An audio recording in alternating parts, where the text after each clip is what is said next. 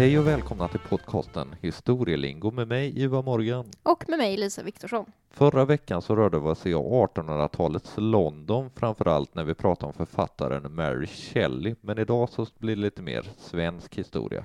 Ja, vi ska backa bandet till 1658 och tala om det kanske märkligaste militära draget i svensk historia, Ja, nämligen tågen över Bält. ja, det var ju nästan som att spela roulette med människoliv.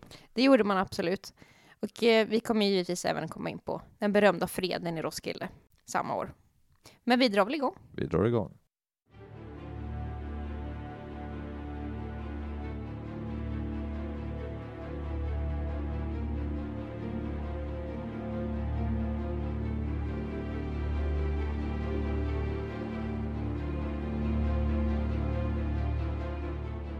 Men innan vi kommer in på de här dramatiska händelserna så behöver vi väl kanske en liten genomgång av eh, läget. Precis, vi behöver sätta det i någon slags kontext. Och det vi ska prata om här är något som kallas Karl den tiondes första danska krig. Mm, Han förde ju två mot Danmark, precis. men det är det första som blir intressant här. Och om vi ska sätta upp schackpjäserna här lite grann på det här eh, schackbrädet som är Sverige mot Danmark så får vi väl börja kanske 1648 Mm, för då har vi den så kallade Westfaliska freden. Den är ju viktig för att Sverige får besittningar i Tyskland och blir en maktfaktor att räkna med. Det här, vi rör oss ju i den så kallade svenska stormaktstiden här nu under 1600-talet. Mm. Eh, och som vi har varit inne på många gånger förut så kan man ju diskutera vad stormaktstid betyder. Eh, men eh, ja, Sverige försöker att utvidga sig ganska ordentligt och breda ut sig över Europa under den här tiden. Precis. Och eh, 1657 så börjar då det här eh, första danska kriget. Mm. Och eh, från Danmarks håll så anfaller man Sverige, eller förklarar krig mot Sverige. Och det är mycket på grund av att man ser att Sverige är lite upptagen på annat håll. För man var krigade i Polen Och det var ett väldigt utdraget krig. Man har hållit på länge i Polen. och det brukar kallas eh, Karl Xs polska krig. Och då kan man ju fråga sig varför ville Karl X ge sig på Polen?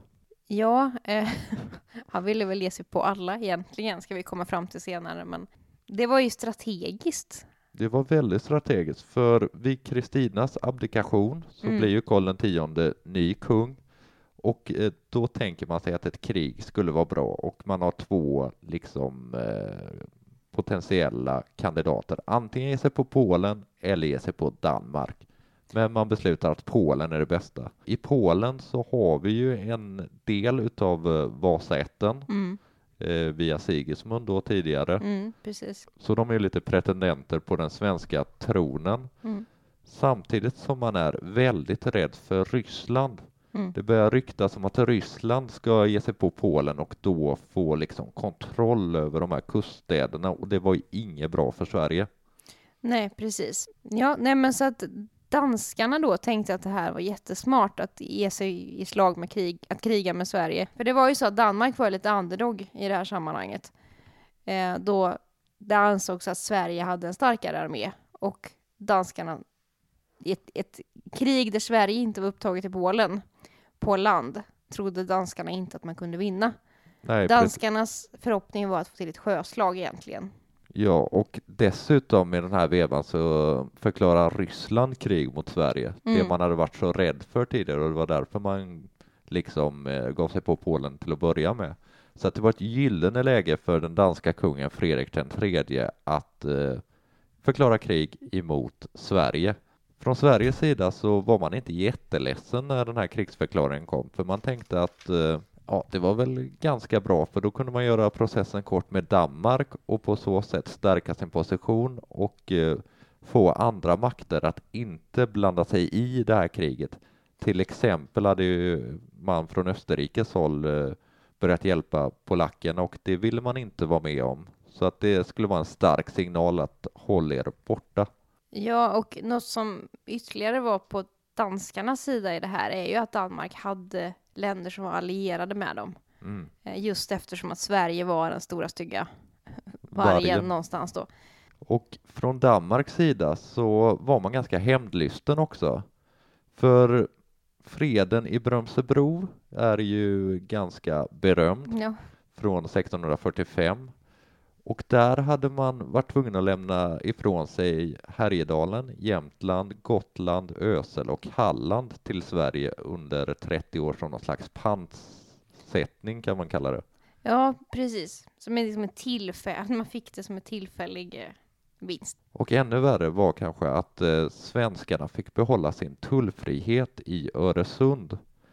Och då kan vi kanske ta ett sidospår och prata lite grann om Öresundstullen för att förstå varför det här var så hemskt för danskarna. Absolut.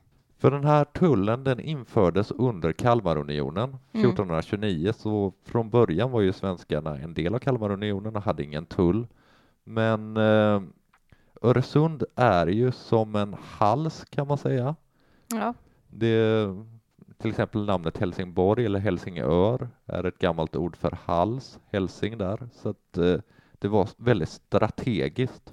ja och just Helsingborg-Helsingör är ju sundet som absolut smalast. Och det var även där som man tog upp de här tullarna. Eh, så man måste helt enkelt betala tull för att gå igenom där och eh, det fanns ju ingen annan väg att komma in på Östersjön förutom via ja, det här sundet här. En ja, sidospår kanske i det här sammanhanget, men det här är någonting som kommer vara viktigt sen, eh, även under 1700-talet. Mm. För att det svenska Ostindiska kompaniet utgick alltid ifrån Göteborg. Mm. Trots att många skepp byggdes i Stockholm och så vidare, så utgick man alltid på sina resor österut ifrån Göteborg. Och det var helt enkelt för att man skulle slippa den här tullen genom Öresund, slippa ge danskarna den. Ja, och även eh, en sån sak som Göta kanal byggdes mycket på grund av den här eh, tullen. Absolut, absolut. Även om det var också var senare, så, så absolut. För man hade den här tullen ganska långt in på 1800-talet Ja. också. I alla fall. Man vill inte ge danska pengar hur som helst. Nej, det vill man verkligen inte göra. Men eh, det handlade ju kanske framför allt från början på för att beskatta Hansan och sådana aktörer som var väldigt starka i regionen. Mm. Men att ta in tull på det här sättet gav danska kronan enorma intäkter. Ja, det kan man ju föreställa sig. Alla Östersjöländerna blev ju liksom lite fångar av det, så att säga. Som exempel kan vi ta, ett, ta det tidiga 1600-talet. Mm. Då gick det igenom varje år ungefär 5 000 tullpliktiga skepp. Och det är många skepp. Det är väldigt många. Och eh, en kung som heter Kristian den fjärde, han eh, såg ju den här kassakon liksom. Så 1618 så dubblade han tullavgiften och blev väldigt rik på kuppen. Han kunde dra in 2000 riksdaler årligen bara på den här tullen. Ja, det, det är mycket. Han är för övrigt lite speciell som kung på den här tiden för han satt hela 60 år på tronen vilket Oj. är väldigt, väldigt mycket. Ja, det är otroligt länge. Ja, särskilt om man tänker att livslängden var betydligt eh, kortare på den här tiden.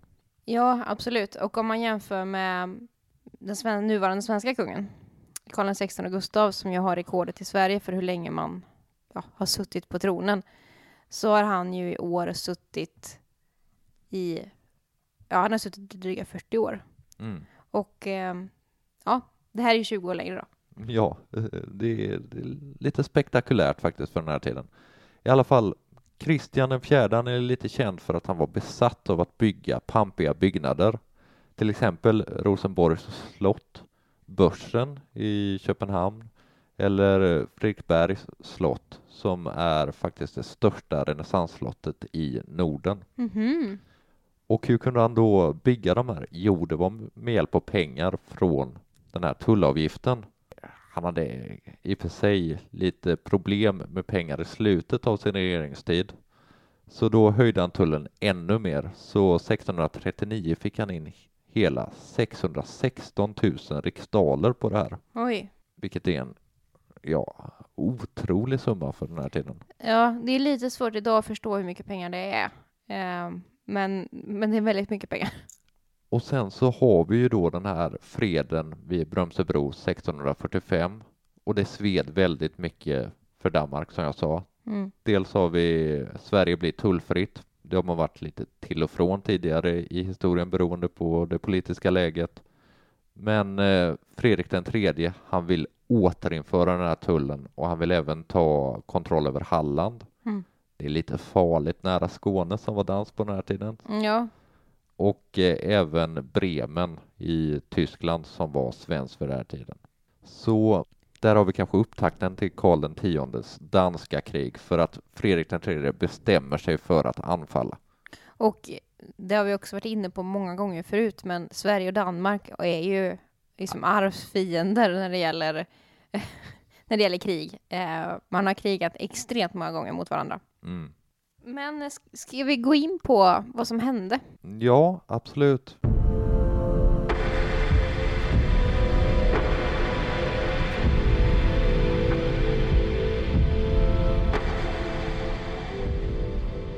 För i juli 1657 så förklarar alltså Danmark krig mot Sverige. Och eh, de svenska trupperna befinner sig i Polen i det här långa utdragna kriget man utkämpade där. Men då med den här glädjen över det här danska kriget så, så springer man ju mer eller mindre från, från Polen. Ja, det är ju en ilmarsch mot Danmark och eh, man är på dansk mark eh, ja, någon gång i augusti och den 25 augusti så står man utanför en stor fästning som heter Fredriksudde. Och det var liksom en stor befäst fästning som eh, ja, på något sätt fungerade som en port in till Danmark. Man var tvungen att ta det för att kunna ta sig vidare in i Danmark. Som ett lås nästan, kan man säga. Ja, absolut. Eh, och vi kanske ska tillägga då att Fredriksodde eh, låg, eller, ligger på Jylland, Mm. vilket ju är relevant i det här sammanhanget då. Det var såklart inte de enda stridigheter som hade utkämpats sen krigsförklaringen. Till exempel var det lite småstrider på havet, Mm. men även i Bohuslän, Jämtland, Halland och i, även i norra Skåne. Ja, precis. Ja, så att då står svenskarna redo med Fredriksodde och de ska ju ta Danmark lite snabbt och enkelt och sen så ska, de, ska ju svenskarna tillbaka till Polen. Ja, det är ju tanken. Det här ska ju gå snabbt. Eh, men det, det visar sig att det skulle inte gå jättesnabbt. Nej, det tar ganska många månader. Det blir någon slags belägring här. Och eh, både den svenska och danska sidan, de börjar liksom förbereda sig för vintern och det finns något outtalat liksom om att ja, vapenvila, eldupphör, liksom Ja, på- krigsstillestånd över vintern. Ja, krig gick ju liksom i säsonger Mm. ofta för att det, det var jobbigt att kriga på vintern. Ja, det var men- svårt med mat. Det är lite så som fotbollsallsvenskan eller någonting. Ja, det får var- man väl säga. man hade vinteruppehåll. Och eh, man börjar liksom att rusta av. Man börjar så här slappna av från båda håll lite grann. Och då slår ju svenskarna till. Ja, den 24 oktober så lyckas man storma fästningen. Och eh, fästningen får ju liksom kapitulera direkt. Men det finns ju ett problem här, för Danmark har ju en väldigt välutvecklad flotta vid den här tiden. Och svenskarna vet att de inte kommer kunna ta danskarna i sjöstrider. Nej, Samtidigt så är man ju på Jylland, så man är fast. Och det är ju lite problematiskt. och man ville ju till Köpenhamn. Ja, det, är klart. Det, man ville ju ta huvudstaden. Samtidigt som man ville göra det här snabbt och enkelt som du var inne på. Dels för att man ville tillbaka till Polen, men man Mm. var ju även lite rädd att andra nationer skulle sluta upp eh, under Danmarks baner, till exempel eh, polackerna. Precis. De hade ju ett horn i sidan till svenskarna såklart, men även eh, brandenburgarna till exempel. Och eh, det där var ju ett problem i krig generellt. Att eh, under ett pågående krig, innan en fred har slutits, så fanns ju alltid risken att något annat land skulle lägga sig i. Så det- Den var, fanns ju alltid i alla krig. Mm. Eh, Och här var den väldigt överhängande för svensk del eftersom att ja, väl hela Europa stod på Danmarks sida i det här. Precis. Men eh, som du sa, det var ju ett problem att man, Sverige kan inte möta Danmark till sjöss. Nej, Och Danmark kan inte ge sig på Sverige på land. Så att n- man är ju fast vid det här. Alltså man är fast på Jylland och kan inte göra så mycket. nej, precis. Eh, Man eh, sitter där och häckar. Ja, och det är ju då Stora och Lilla Bält som är i vägen Precis. Och för att ta sig till Köpenhamn. Ja, och bältarna är ju då eh, sund får vi säga. Också. Ja, precis. Och ehm, Ja, Karl X Gustav då, som ju var svensk kung vid den här tiden, han var inte kung speciellt länge. Nej, Han satt emellan 6 juni 1654 och eh, sen dog han 1660. Så att drygt fem och ett halvt år satt han. ja, i Göteborg dog han. Ja, det gjorde han i samband med både en begravning och en riksdag. Så Mm. dog han och han drog sig på någon form av Förkylning för, eller förkylning eller influensa eller sådär. Och eh, det finns ett minnesmonument eller minnesplatta över honom eh, vid Stentiden i Göteborg som man kan läsa, läsa mer om, om, om detta. Men det var en parentes. Eh, han, var, han var som sagt kung en väldigt kort tid, men han har orsakat väldigt mycket elände under de här åren. Ja, det är ju många krig här. Han, han krigade ju hela sin regeringstid egentligen. Han tyckte om det. Men han får en idé där när han går och vankar fram och tillbaka på Jylland. Att Ja, Vi kan inte möta danskarna till sjöss. De vågar inte ge sig på oss på land. Men isen då? mm, precis. Det är ju redan på senhösten där 1657 som man kommer på tanken och det blir ju en lång, lång väntan på att isen ska lägga sig. Och det här är ju lite märkligt tycker jag, för man spelar ju liksom roulette med hela sin framtid kan man säga, för skulle, skulle isen ju vika så skulle allt försvinna. Ja, på, alltså på sekunder egentligen så skulle allt bara gå om intet. Det är som ett korthus Mm. när man ska lägga på det sista kortet där. Om man slinter lite med handen så rasar allt. Ja, och så, så var det absolut. Och det är en sak att åka skridskor på, på is.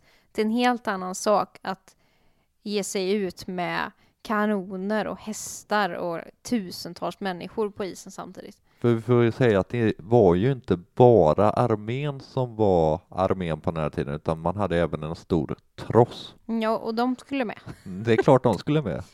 Men isen lägger sig Mm. och eh, man börjar planera då inför det här att man ska gå över. Mm. För sen ska vi, Danmark består av väldigt mycket öar och man fick ju ta det här i etapper. Man får ju börja ta sig över Lilla Bält. Precis. Och det är en ganska kort etapp. Ja, ungefär fem kilometer va? Mm, precis. Och då är ju nästa mellanlandning ifrån Jylland, det är ju Fyn. Mm. Och man ger sig ut med ett ganska tungt kavalleri. Ja, precis. För lördagen den 30 januari 1658 så bedömer man att isen är tillräckligt starkt. Och sen så stiger solen sakta över havet.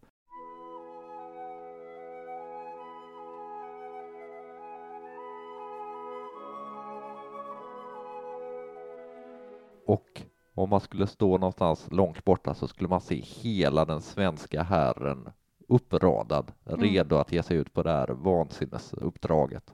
Och först då så skickar man det här tunga kavalleriet som bestod av faktiskt 4 000 man plus hästar. Mm, Det är många. Och man delade upp det här i två kolonner som gav sig ut på isen. Och sen kom liksom infanteri och tross eh, och sådär efter då. Danskarna var ju såklart ganska förvånade över det här tilltaget, men de stod ändå och väntade på andra sidan. Ja, det hade de ju gjort av naturliga orsaker eftersom att de visste att svenskarna befann sig på Jylland. Mm. Men det gick ju vägen det här äventyret över Lilla Bält. Mm. Det vill säga att de flesta kom i land torrskodda. Men eh, inte alla. Nej, Det var faktiskt två ryttarkvadroner som drog ner eh, i djupet.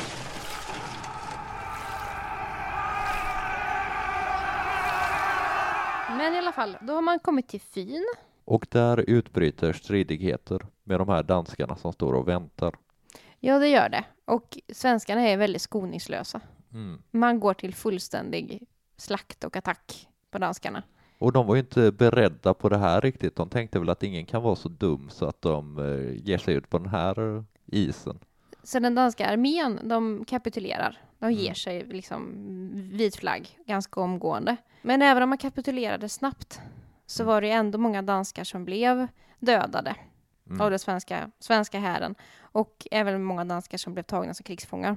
Precis, och eh, runt om på den här ön då, Fyn, som vi rör oss på, så hade det också varit lite olika, vad ska man säga, bondeuppbåd. Mm. De hade ställt upp sig, nu är vi redo här. Men eh, när de får reda på det här så är det lika bra att gå hem.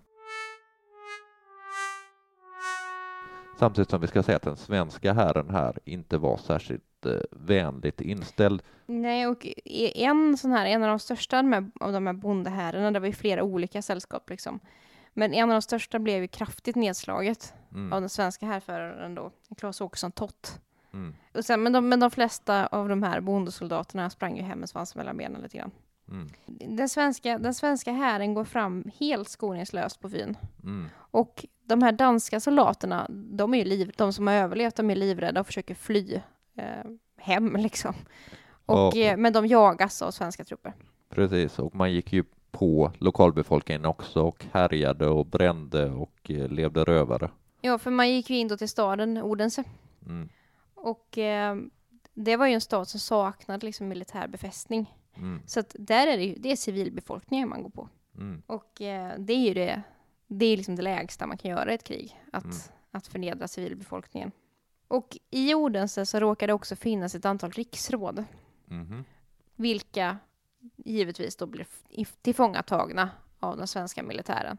Och i och med att man har riksråden ju som ju var det var ju riksråden som styrde landet. Ja, det är ju som en form av regering kan man Mm. kanske säga. Men i och med att man tillfångatog en handfull av de här riksråden så tog man ju även en del av den politiska makten från Danmark. Man förstör ju liksom, Ja, den politiska infrastrukturen Mm. kan man säga blir eh, sönderslasad där.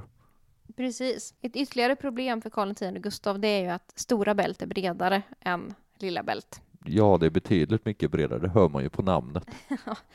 Och eh, man får vänta igen. Man slår sig ner, man slår läger i Odense och väntar. Och man eh, håller stenkoll på isen. Och man Mm. testar, man skickar över små trupper för att testa vart isen är som starkast. Och man kommer på att man ska gå liksom den sydliga vägen via alla andra små öar i Danmark. Ja, för om vi tänker från Fredrik den tredjes sida Mm. så hade man ju känt sig ganska säker egentligen.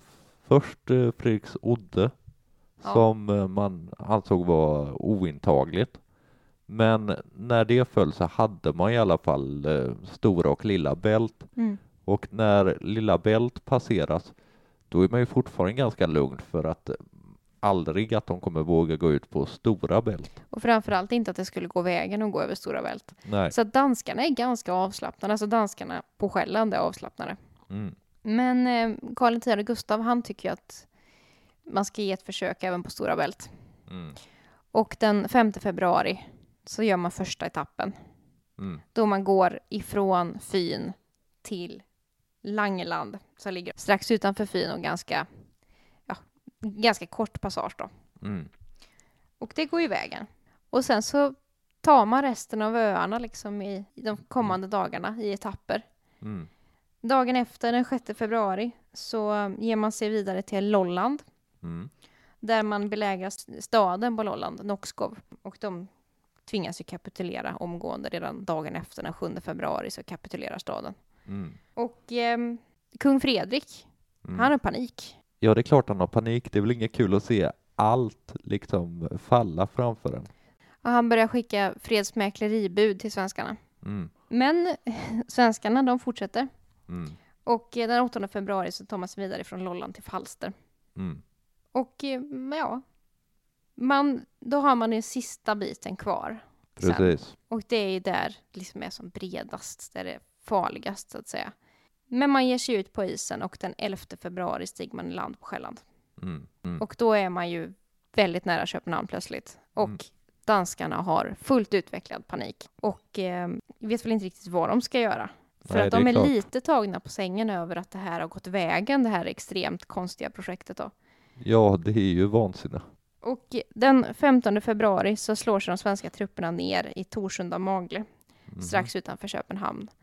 Och då är ju Danmark, får ju kapitulera. Precis. Och eh, det är helt otroligt att det här gick vägen. Ja, det är sinnes... Och eh, det kom ju att ge en stor effekt på svensk historia, alltså på vår nutida historia, att det här gick vägen. För det finns ju en annan, alltså andra sidan av det, om isen hade öppnat sig. Ja, då hade vi nog varit danskar allihopa. Ja, eh, de flesta i alla fall kanske. Jag vet inte. Men man måste ju få till en fred. Mm. Och de fredsförhandlingarna de inreds redan i eh, Vordingborg Okej. den 11 februari, alltså samma dag som svenskarna landstiger på Själland och det är då danskarna officiellt liksom ger upp. Mm. Då börjar man fredsmäkla. Och eh, man drar vidare till Tostrup och de sista avslutande förhandlingarna de hålls i Roskilde. Ja, och eh, det har ju ett namn till den här freden. Freden i Roskilde. Och det är väl en sån här grej kanske om man inte är så historieintresserad men ändå ska komma ihåg något årtal från grundskolan så tror jag de flesta kommer ihåg att man skulle kunna freden i Roskilde eh, 1658, det var sånt där årtal man skulle kunna mellanstadiet. Mm. Och eh, svenskarna är ju jättenöjda med det här naturligtvis, att nu, nu har man all makt i sina händer. Och man var ju livrädd också för att det här skulle dra ut på Mm. tiden som kriget i Polen hade gjort och eh, man hade lyckats i alla fall relativt snabbt eh, besegra Danmark. Men det var inte riktigt över än, för att sådana här fredsförhandlingar har ju en historia om att det kan vara ganska utdraget. Mm. Svenskarna ville ha en snabb affär, snabbt avslut på kriget så att man kunde återvända till Polen och gå vidare i livet utan att någon annan makt, alltså någon annan, något annat land skulle komma och lägga sig i freden. Mm, precis. Så svenskarna har hårda krav, men man får inte igenom allting, utan man får liksom ge vika. Danskarna får faktiskt ha lite inputs, så att säga. Ja, ett sånt där krav var ju att man ville ha Island och Färöarna. Precis, och det fick man inte. Men jag tänkte, vi kan, kan säga vad, vad Sverige fick igenom i freden. Mm. Det är att Skåne, Halland, Blekinge och Bohuslän blev ju svenskt för gott. Mm. och är fortfarande svenskt efter den här freden. Man fick även Bornholm och Trondheim Mm. samt lite gods och gårdar, lite sl- slott och herresäten och 2000 kavallerister. Ja, okej. Det är en ganska bra fred. Det får man verkligen säga och eh, Men- i alla fall om man är svensk. Är man dansk är ju det här katastrofalt för man förlorar ju i princip halva kungariket här. Ja, eh, åtminstone en tredjedel. Och det här är kanske Danmarks, ett av Danmarks största nederlag genom hela historien. Mm. Men svenskarnas kravlista var lite längre. Ja, okej, låt höra. Det man ville ha, det var till exempel en miljon riksdaler i skadestånd. Ja, det är ganska mycket. Eh, man ville ha ännu fler då, liksom släkt, alltså, slott och herresäten och sånt. Och man ville ha militära förband. Förutom de här 2000 kavalleristerna man fick så ville man ha lika många infanterister till exempel. Ja, det hade ju passat bra att skicka till Polen där. Ja, det var väl det som var tanken kan man tro. Och sen ville man då ha Halland, Skåne, Blekinge, Bohuslän, Island som du var inne på. Man ville ha Norge. Mm. Eh, Det fick vill- man ju senare. Ja, det, fi- det fick man ju senare, men det kanske är ett ämne för en annan, ett annat avsnitt. Mm. Eh, man ville även ha Färöarna, Mön och Bornholm. Bornholm fick man ju då. Så att danskarna fick ändå behålla största delen av Norge, man fick behålla Island och man fick behålla Färöarna och Mön då till exempel. Mm. Och eh, ja, en stor del av Danmark också. Och eh, det här var ju någonstans tack vare att svenskarna var stressade. Ja, Hade man haft mer tid på sig så kanske man hade varit hårdare i de här fredsförhandlingarna. Och då kanske den europeiska kartan hade sett annorlunda ut idag, vem vet. Men eh, i alla fall, vid lunchtid den 26 februari 1658, då ligger traktatet klart och undertecknat. mm. Och förutom då representanter från Sverige och Danmark så finns det också två fredsmäklare. ja okej. En engelsman som heter Bidow och en fransman som heter Terlon, eller Terlot, eller vad man nu säger på franska. Terlo. Ja, och ehm, så var det ju när man fredsförhandlade att det behövde vara någon utomstående med för att kunna mäkla, liksom, se till att freden gick schysst till. Ja, Jag höll det, på att säga att freden gick fredligt tillväga. ja, det är lite som du drog någon fotbollsliknelse här tidigare. Mm. Eh, När det är världscup och så, så har man ju alltid en domare från ett annat land än de länderna som tävlar. Ja, precis. Det, så kanske det är. Jag har ingen aning. Jag vill minnas att det är så. Ja, vi kan ha fel med fotbollsreferensen, men det, det låter väl rimligt. En av de danska representanterna hette Jockum Gersdorf Ja, okej. och han eh, ska ha varit väldigt ledsen när han skrev under det här traktatet och ska ha sagt ack om jag icke kunde skriva. Mm. För det här, det här är ju ett, var ett sånt enormt nederlag för Danmark. Ja, det har ju målat om liksom, eh, som vi var inne på, kartan ordentligt och är väl ett av de mest avgörande tillfällena i eh, Nordens historia. Ja, och man förlorar ju då till exempel Skåne. Och Skåne var ju bördigt och bra, det var mark man verkligen ville ha. Och Skåne hade ju under den största delen av historien varit danskt. Precis. Så det var ju en jätte, jätteförlust att göra. Ja, och man förlorar ju också liksom, eh, ja, även om man behåller den här eh, tullen jag pratade om tidigare ända in på 1800-talet så förlorar man ju liksom eh, att ha bägge delarna av halsen. Ja, precis. Och ja, som vi sa förut så Karl X Gustav, han var ju en man som gillade krig Mm. eh, och gillade makt och han ville ju utveckla en skandinavisk stormakt. Mm, det var hans tanke. Han ville ha hela Skandinavien, eller egentligen det som är nuvarande Norden, plus alla andra länder kring Östersjön. och det gick inte så jättebra. Eh, men eh, han gjorde ett gott försök i alla fall, Mm. när han gjorde sitt andra danska krig då. Ja, han var ju fylld med hat för Danmark eh, känns det som, så att han gjorde ett nytt försök ganska nära inpå. Ja, det var ju direkt egentligen efter freden så började han ju planera nästa. Men den gången gick det inte, för att då kom eh, nämligen andra länder till Danmarks undsättning, så att Carl Gustaf fick, fick ki. Men eh, har vi något mål på den här? Jag tänker väl att vi har gått igenom händelseförloppet nu. Ja, och anledningen till att, att det här har blivit så ihågkommet är ju det idiotiska i det här. Verkligen. Eh, det är ju ett projekt som, alltså det är helt sinnessjukt att ge sig ut på svag is. Med så mycket människor. Tusentals människor, hästar, vagnar, kanoner, alltså det är helt... Eh, Man satsar allt på ett kort. Ja, för det hade precis, jag menar, det, det hade precis lika gärna kunnat slutat på botten av bält. Mm.